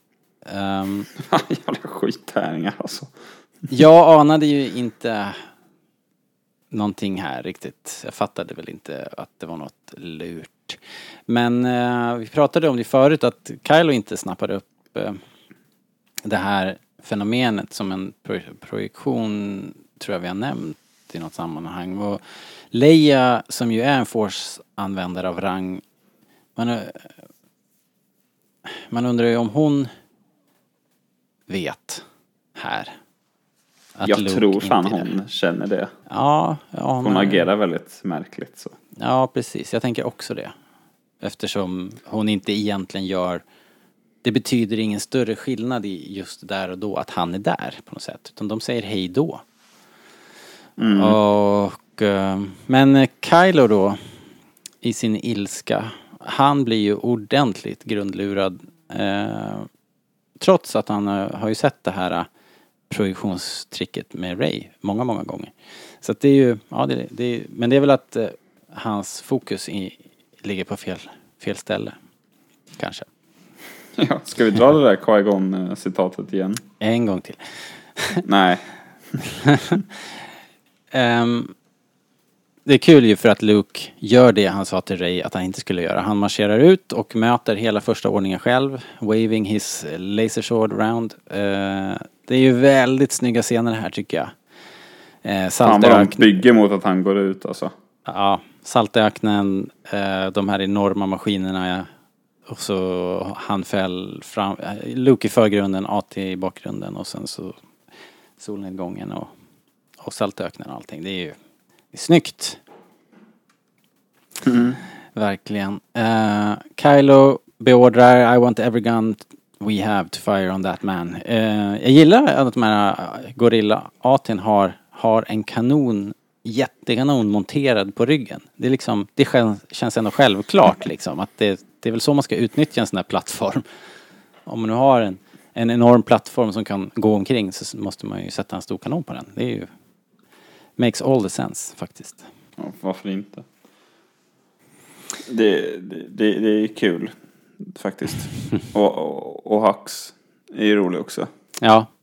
Ja, faktiskt. Det här är faktiskt ett, ett ögonblick med lite humor som lättar upp som faktiskt funkar tycker jag. De hade ju ett ögonblick lite tidigare där när de ger samma order och sen tittar på varandra liksom. Ja, Eh, Det är lite så här Jack Sparrow, Barbossa ja. humor. Inte jättekul kanske Det, just nu. det är inte min... Men det här är kul. grej, Men, ja, ja, ja. Ehm, ja, precis. Det här när, när ja, de skjuter bara en stor jävla grop där och eh, till slut så får Hux avbryta och så säger han do you, do you think we got him? det, det är kul. Ja. Ehm, men, ja, Luke är ju magiskt orörd då. då. Han är ju helt hel. Hur är det möjligt? Eh, Robban fattar fortfarande ingenting. Eh, vad är det som pågår? Kylo tänker att ska man få någonting gjort så får man göra det själv. Han landar eh, och eh, går ner för att möta Luke man mot man. Eh, Brat mot pensionär i det här fallet. Är det inte här han nitar Hux också? Jo, Det är ordentligt roligt. dessutom. Eh, Jag tycker att det, det, det är som med allting i, i det här fysiska komedin. De tar det liksom ett, ett snäpp för långt. De kan inte låta bli att vrida upp det på tian. liksom. Nej, Så att, det är eh, ganska, det liksom blir ojämnt. Mm. Om du förstår vad jag menar. Ja, Det liksom spretar för mycket åt varsitt håll. jag tycker det också. Särskilt i en sån himla bra sekvens i filmen. Ah, ja, ingen, ingen fara på taket. De eh, möts där i alla fall. Ehm, de börjar ju fightas då. Kylo skäller där att eh, har du kommit I'm sure för, you are. Har du kommit för att... Ja, just det. Eh, har du kommit för att rädda mig, för att rädda min själ? Och Luke bara, nej. I'm, You are s- fucked bro. I'm sorry. I'm sure you are. Jag tycker faktiskt att de spelar väldigt bra här, båda två. Här köper också jag att det är att man- Luke. Liksom, det, är, Ja, det är. det är inte Mark Hamill, det är Luke som står där. Det är väldigt coolt. Det, är också, det är också tycker jag, det höjer spänningen på ett snyggt sätt att de direkt liksom avfärdar att de ska enas på något vis. Ja, det är inte det som Det kommer att liksom, hända här. det, är, det är den ena eller den andra. Mm. Eh, sätter de upp oss för så blir det inte riktigt ändå. Vilket säljer hela scenen också. Just det. Nej, exakt. Man, man skruvar upp eh, insatsen på max och sen så kör man igång. Och så är det en rätt klurigt eh, eh, koreograferad eh, fight då. Jag vet att du sa alldeles nyss att du inte är så intresserad av de här eh, Coola moves och sånt. Ja, och slow, motion, och framförallt. Eh, Matrix Star Wars är inte riktigt min kopp te liksom. det är sant att det blir lite Matrix Star Wars här. Men i slutändan då så visar det sig att... Eh, Så länge de inte flyger med sina lasersvärd är jag i och för sig nöjd. Nej, exakt. Det är där vi drar gränsen. eh, Poe ser ju det här hända då med gänget inne i grottan och han hajar att det är en avländande manöver så de tar ju chansen att smita ut bakvägen för de förutsätter ju att eh, Luke måste ju ha kommit in den vägen. Right? Så de, så de Återigen exposition tungt alltså. ja, där, Så nej, nej, nej. Han uppehåller dem så vi kan fly. han upprepar ju också eh, Holdos eh, lilla tal där, We are the spark. Vilket är nice. Han Med en liten twist va? Säg inte Poe, they will burn the first order down. Ja, kanske han säger. Och han säger, och eh, hon säger mer att vi är, Vi ska överleva. ja, vi ska hur- bara överleva liksom. Ehm, Också kul. Kylo ballar ur och skriker att jag ska förgöra dig och henne och allting och eh, då säger Luke att nej, om du dödar mig i vredesmod så kommer jag alltid att vara med dig. Precis som din far är. Och eh, det är ju jävligt snyggt tycker jag. Eh, Kylo Vilket nu anfaller. också retroaktivt är en snygg setup för nästa film. Ja, verkligen. Faktiskt. Verkligen. Eh, och en annan grej som helt liksom kastar omkull alla konventioner här är att Luke bara säger nej och stänger av sitt svärd liksom. Just det. Vänta, va? Det är ju tvärtom, Ja. tänker man ju då. Jävligt coolt. Vad fan gör han? Typ, typiskt Luke ändå. Ja, jag ja, det kommer har ju i- blivit typiskt Luke. Jag kommer inte vara den sista gäddan, säger han också. Vi får titeln där. Eh, det finns också, har du sett det där, eh, det finns också en cool uh, så här crosscut som någon har gjort på Youtube där man ser att Kylos anfall här, eh, det är exakt samma moves som Ray gör på Act 2 när hon står och, och övar med ljussabeln. Har du sett det? Ja, vi ba- babblade väl lite om det förra. Ja, det kanske vi sa. Ja, vi måste leta rätt på den där videon. Det är ju sinnessjukt coolt. Eh, hur som helst så drar ju, Coolt. drar ju Kylo i alla fall sin ljussabel rakt igenom Luke. Och alla bara what? Vad var det som hände? Det är en force-projektion. Nu får vi se att Luke sitter kvar på klippan på Act 2. Um, Och poletten trillar Sitter ner. och sitter. Ja, han flyger. Flygandes. Ja. Det är ascoolt. Jag tycker, det, jag tycker faktiskt att Det är var, Jag jublade nog på premiären när jag såg det här. Det här gillar jag väldigt, väldigt mycket faktiskt. Eh, man gillar ju att bli lurad på det här viset faktiskt. Mm, Mycket Ja. coolt. Jag ska nog erkänna att jag första gången när de såg det och eller första gången jag såg det och när han liksom stoppar, alltså långsamt när han liksom kör sin uteslutningsmetod där Kylo och Mm, kör svärdet genom Luke liksom, för Balletten att verkligen fatta vad som händer. ja. Då är det så här, åh nej, nu förstörde de Star Wars. så här ska det inte vara. Han jag nog tänka liksom. Ja, Det här är lite fånigt. Typ. Men det har jag ju reviderat okej. eh, på senare dagar. det var en väldigt omtumlande upplevelse att se den här filmen första gången överlag. Ja, det är det ju. Det var verkligen som Luke säger att det här kommer inte gå som vi tror och det gjorde det ju Ni- inte en enda gång. liksom. Jävla berg och faktiskt. Det är svårt att komma in i den. Ja. Fast på ett bra sätt. Det känns som att det känns som att Ryan Johnson blir glad när jag säger så. Liksom. Ja, det är ju hela meningen och jag tror att, eh, som, vi kommer komma in på det när vi försöker sy ihop det här, att det, det, ju, det händer så mycket och det som händer, händer lika mycket mellan raderna så att det kommer ta tid att koda av det här helt enkelt. Vi, kämp, vi kämpar ju med det fortfarande. det är nu flera år. Som ni hör. ja, som ni hör.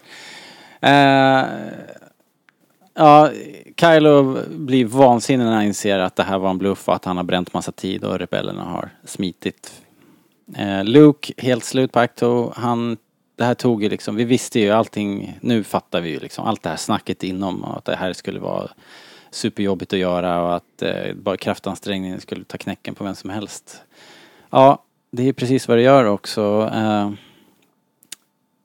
Luke dör där på klippan. Han försvinner till, eh, här har jag i alla fall noterat att det är Force-temat som spelas.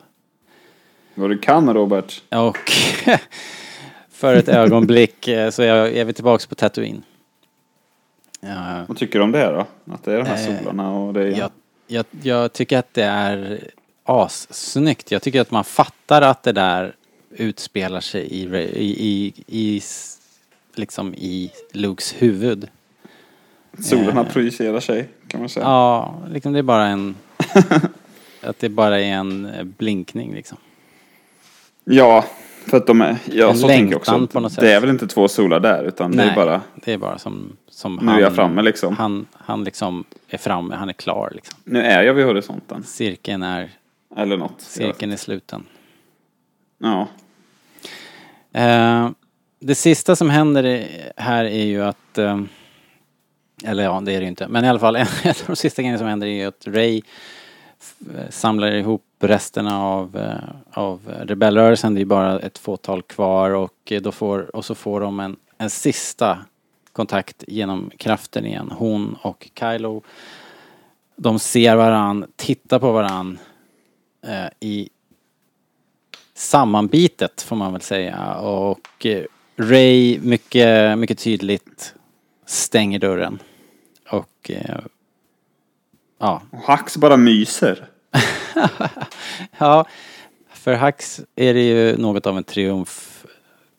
Och det här är ju något som de kapitaliserar på i nästa film också. Så, så när, när Kylo förlorar så vinner Hux. Hur Det är kul är liksom- nu då? Eh, det är- Kylo. Så att, eh, I min headcanon går ju Hax runt och kallar Kylo för Ben. Liksom. nej nej. Det tror jag inte. Varför jävlas? Skitstöveln. Tror jag. Ray och Leia anförtror för varandra att de hade känt att Luke var borta här och att eh, det ändå var med, med mening. Peace and purpose. Peace and purpose. Ja, just det, precis. Och Leia för bara, bara ger oss den där sista. Hon är ändå klippan som vi lutar oss på. Hon säger att eh, vi har allting vi behöver för att starta om och sen så... Du, du, du, du, du, du, du, du, så är det slut. Men va? Vi har ju det är inte slut. också. ja, just det. Böckerna får man se. Blinken. Hon har tjuvat med sig dem. Hon tog dem. Den jäkeln. Ja, jävla Yoda, tänker man då. Han visste vad han gjorde. Ja, verkligen.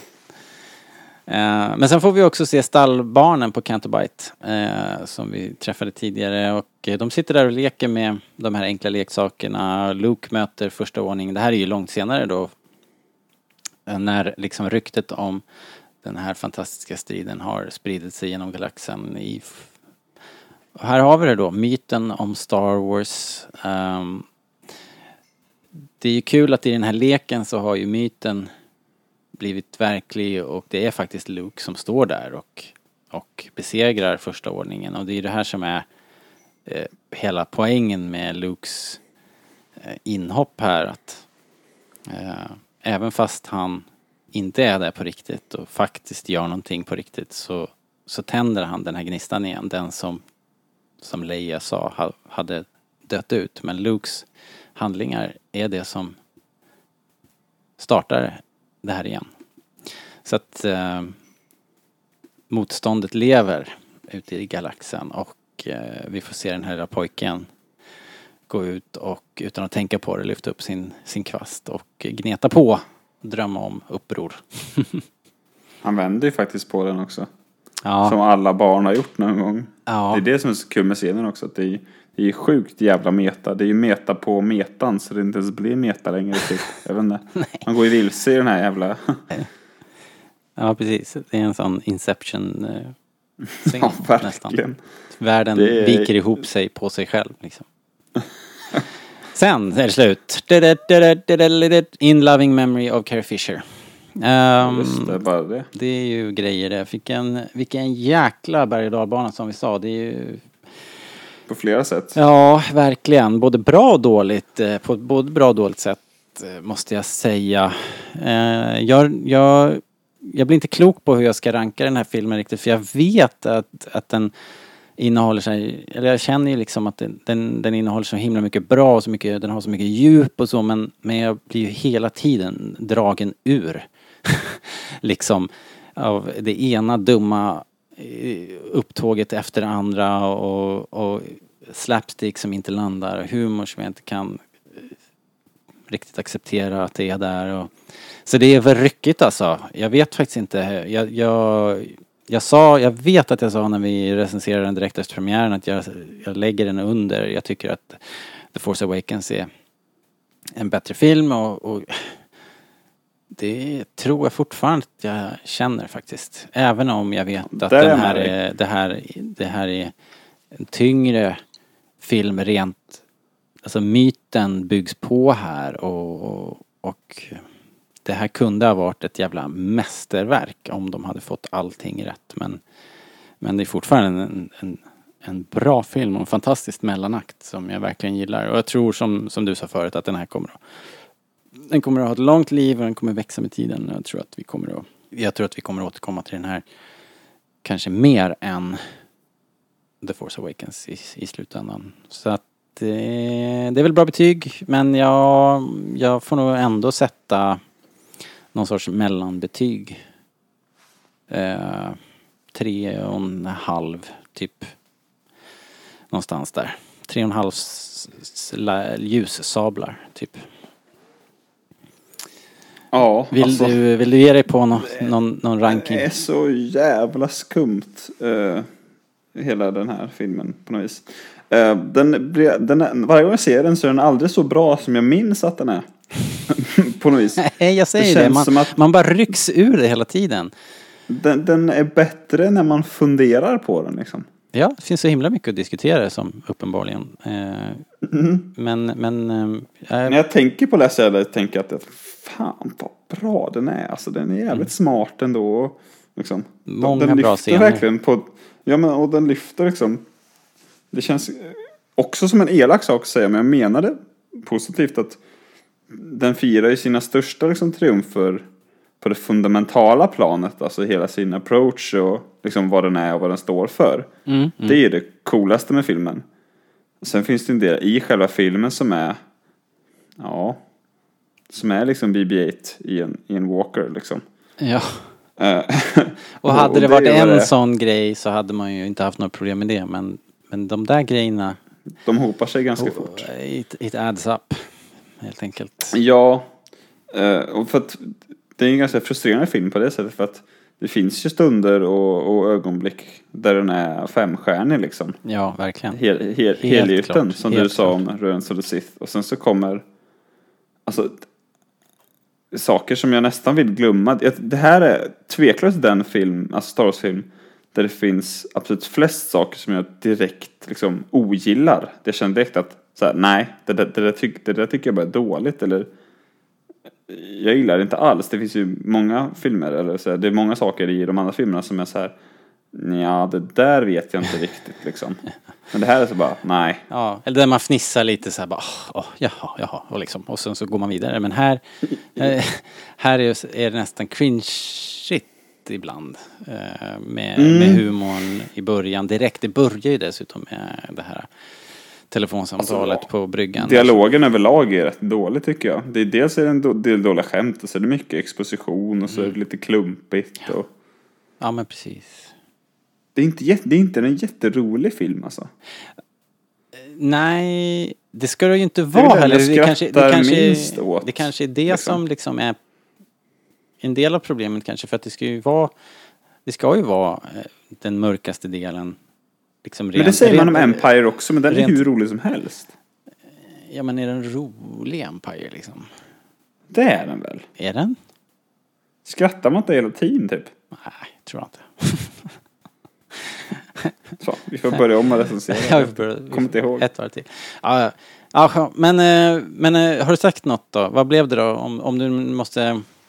Vi brukar ju, antingen kan vi ju ge den 1 till 5 eller så kan du bara försöka placera den i, var den bättre eller sämre än den första delen i trilogin och, och lite sådär. Du får ju... Den är ju efter The Force Awakens. Det är jag ju tydlig med liksom i mitt Star Wars-tyckande. Mm. Men och, om, jag ska, om jag skulle göra en lista av alla, alla filmer så lägger den väl sig någonstans i mitten eller strax under mitten kanske. Mm. Jag vet inte. Nej, I mi- mittenskiktet kan man väl säga då. ja. Inte bland de allra, allra bästa och inte bland de allra, allra sämsta, om man nu använder sådana ord i det här sammanhanget. Men, eh, så där Nej, någonstans men, eh, har jag väl den. Det, det finns ju ögonblick som är liksom eh, som hör hemma i Star Wars Hall of Fame liksom. Ja, precis. Och, verkligen eh, så. Det finns ju vissa Verkligen. så här bort, bortbytingsscener också. Ja, ja, ja det, det, det, det, blev, eh, det blev bara Ryan Johnsons eh, episka mellanakt här. Den blev tyvärr bara bara en trea då, tre och en halva. Vad heter det, det? det, det måste man ju dock gilla för det var någonting som var, alltså, det pratades mycket om det just när Star Wars kom tillbaka. Att, att de här Marvel-filmerna liksom gick på, på autopilot. Att det inte spelade någon roll vem som regisserade, att de blev liksom lite samma. Det här är ju en tydlig liksom motreaktion mot det. Att det här är ju, först var det J.J. Abrams Star Wars, sen kom Gareth Edwards Star Wars och sen kom Ryan Johnson Star Wars liksom. Mm. Eh, Det har de väl lite släppt på, eh, kan jag känna, men det kommer vi med till. Men jag tycker, det uppskattar jag verkligen. Det är det, det är det som i den här filmen är det bra liksom. Jag håller med. jag menar. Ja, exakt. Vi ska ju, det vill jag verkligen vara tydlig med. Att jag är ju oerhört glad att vi fick Ryans vision och att eh, han svingar här för fullt liksom. Han vill ju eh, verkligen försöka att plocka allt eh, liksom hull av den här Star Wars-varelsen och komma ner till skelettet liksom och, och eh, helt eh, vända på, vrida och vända på Star Wars liksom. Eh, både på karaktärerna alltså i, liksom, i filmen, i resan, men också på våra egna, liksom tvinga oss själva och vi som tittar att, att tänka om när det gäller Star Wars. Vilket ju är så jäkla bra. Välbehövligt. Det, det, ja, verkligen välbehövligt och, och, och, och nyttigt för Star Wars, för hela franchisen och eh, liksom, ja, det var ju bara lite otur då att Ryan och jag inte har samma humor. Men det där kan ju hända, det där kan ju liksom hända eh, i, i vilken som helst, vilken film som helst. Eh, jag var ju övertygad om att jag inte skulle gilla Solo, till exempel, när jag hörde att Lord och Miller skulle göra den. Uh, Vilken- vilket flyt du hade Som tur var, sen, som tur är så tog de in en pensionär och gjorde klart den så att även jag kunde ha roligt. men, men, Men- men det där är men- liksom omöjligt. Humor, humor är, är tricky, helt enkelt. Och ska vi vara helt jävla ärliga Robert, så är ju ingen av oss målgruppen för Star Wars längre. Nej, så är det också. Och ska vi sätta oss in i hur sådana där målgruppstänkare tänker så kanske den här filmen eller alltså, Ja, anses vara jävligt rolig bland de som ska bli intressant. Ja. Infinity War. Tänk, liksom, och tänk när de som... Captain America. De tycker ju att det här är en helhjärten film säkert. Ja, men precis. Tänk när, Jag när är när Linnea växer upp här nu att den här var klockren, liksom. Ja, och när, när Linneas generation växer upp och börjar analysera Star Wars, vad, vad de kommer att säga om den här filmen, det ska ju bli jätteroligt liksom. Eh, precis, det kommer ju bli en lika stor aha-upplevelse som när jag pratar prequels med dig. Eh, för att, ja men för att man är så insnöad, man har, man kör sina inkörda skidspår liksom. Så Mm, du har ju rätt. Det är, ju- det är inte vi som är målgruppen och om humorn Det är ju tråkigt att behöva inse. om, visst. hu ja, om humorn inte landar i, i, eh, hos mig så kanske den gör det så det bara sjunger om det för 10, 8 till 10-åringarna som, som ser det här. Ja, Och- verkligen. Jag läste ju förresten den artikeln du eh, Mm, babblade så gott om. vad gillade du den då? Den- är ju, jag ska inte säga ögonöppnande, för att den, är, den sätter väl mer jävligt bra ord på saker som jag inte kan sätta ord på. Eller har kunnat sätta ord på att, eller så många, du också upplever jag kände lite så. Absolut. Att, att det spelar ingen roll. Sen har inte jag allt det underlaget som den här killen som skrev, artikeln har och kan liksom refer, referera till Bibeln och allt vad han slängde sig med. Ja. Men jag känner liksom så här, ja men som jag sa det när jag pratade om att ja det uppstår ju en logisk lucka i hur Rose och Finn tar sig tillbaka liksom till, till, till basen liksom. Ja, Och, och jag landar någonstans i att vem fan bryr sig, det spelar ingen roll, det är inte det som är grejen liksom. exakt. Nej. Precis som att vem fan bryr sig om Obi-Wan inte kommer ihåg Arthur liksom. Nej. Det är inte det som är grejen. Och, Nej, och jag tycker det är så oviktigt. kul att, att eh, för att jag, jag kände liksom, ja men det här, det är ju som, man skulle kunna se på Star Wars som Bibeln utan att ha läst den, men jag har förstått att Bibeln liksom bygger på historier liksom, eh, som ofta inte har något, med varandra att göra egentligen. Är, jag snett på det där? Nej, det tror jag inte. Jag, har inte heller lusläst Bibeln på något sätt. Utan, men jag har ju förstått att det är, det är plockat, plockat myt från alla möjliga tidsåldrar och, eh, och författare. Så att den hänger ju inte ihop för fem öre. Och ett exempel som man drar i den här artikeln som du och jag nu refererar till, som vi ska Ja. länka till såklart, så ni kan läsa den på Rebellradions eh, Facebook. Där att det, det finns två stycken skapelseberättelser i Bibeln och de motsäger varandra. Så att jag menar, där, där, eh, och det där är ju någonting som folk ändå tar på största allvar.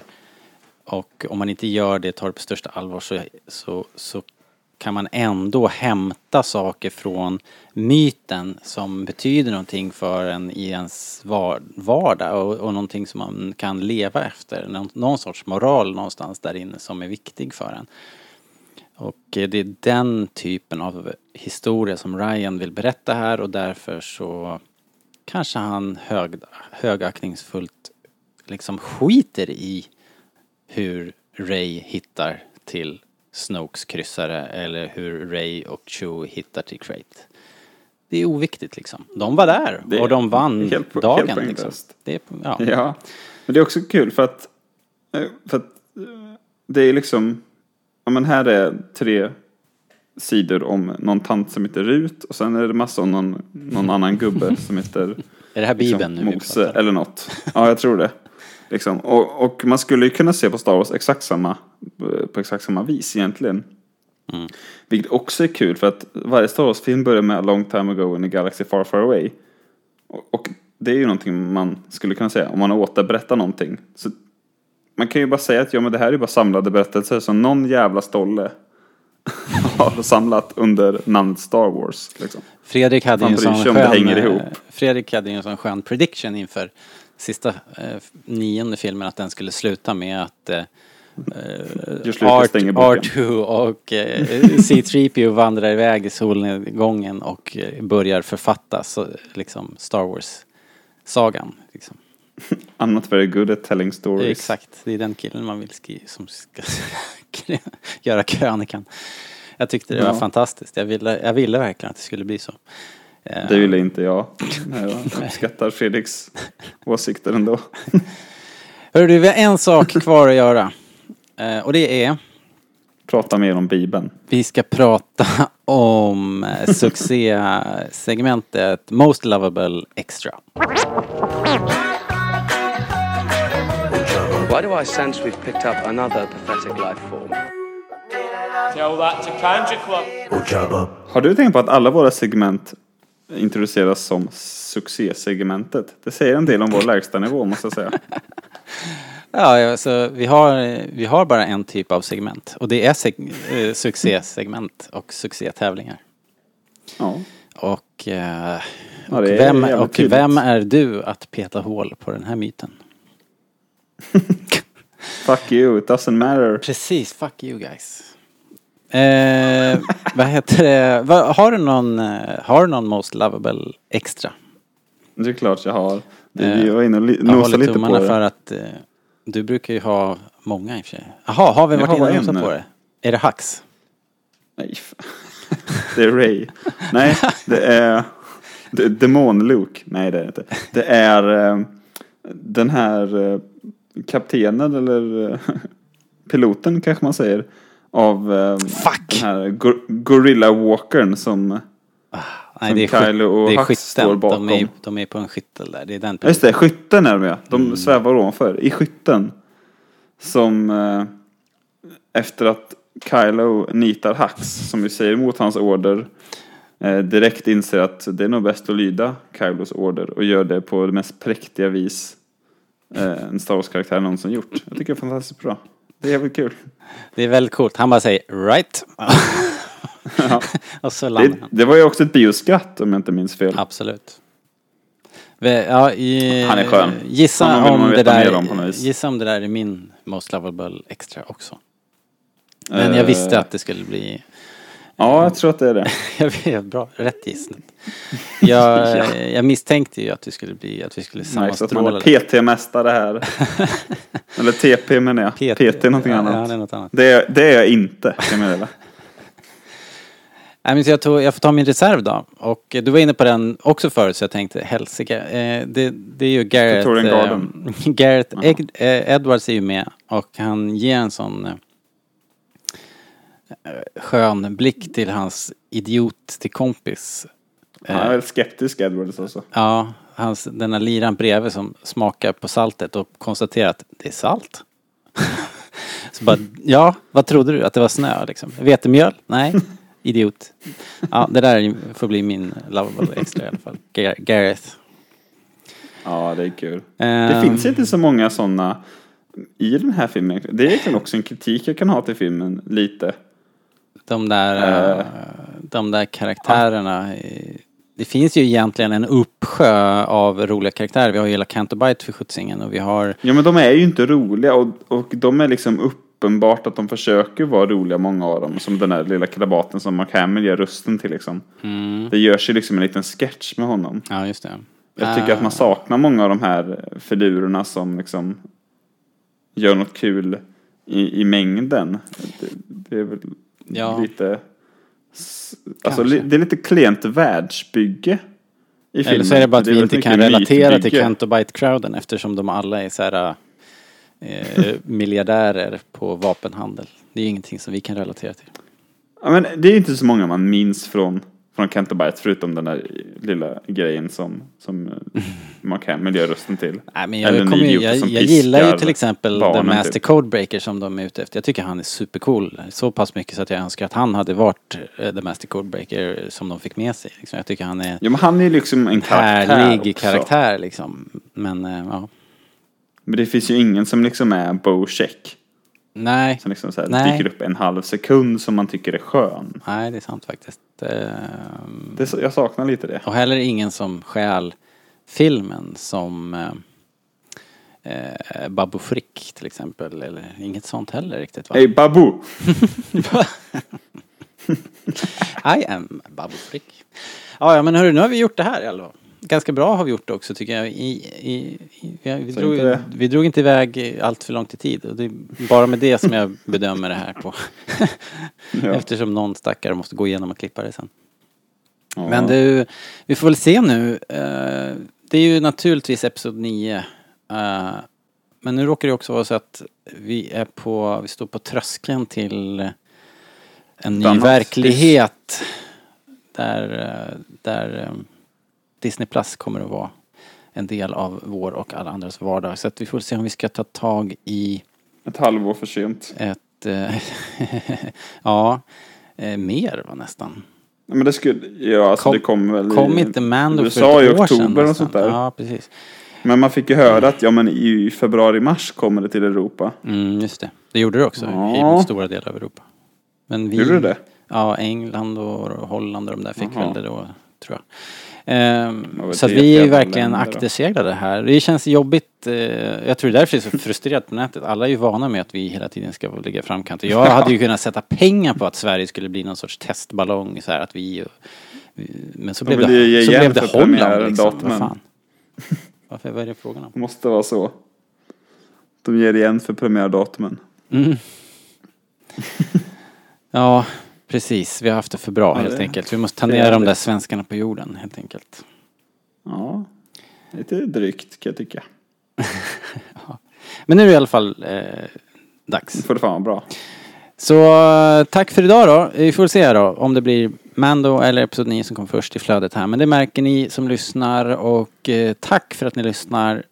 Hör av er i, eh, i kommentarsfälten och läs den här artikeln som vi ska lägga upp för den är fascinerande verkligen. En, en, en skön inblick i eh, hur man eh, dekonstruerar eh, en sån här historia och eh, bygger nya myter och sådär. Det var jävligt kul läsning faktiskt. Så, Mm. då så. Tack för oss Linus och eh, så hörs vi snart igen. Ha det bra. Hej då. Hej då.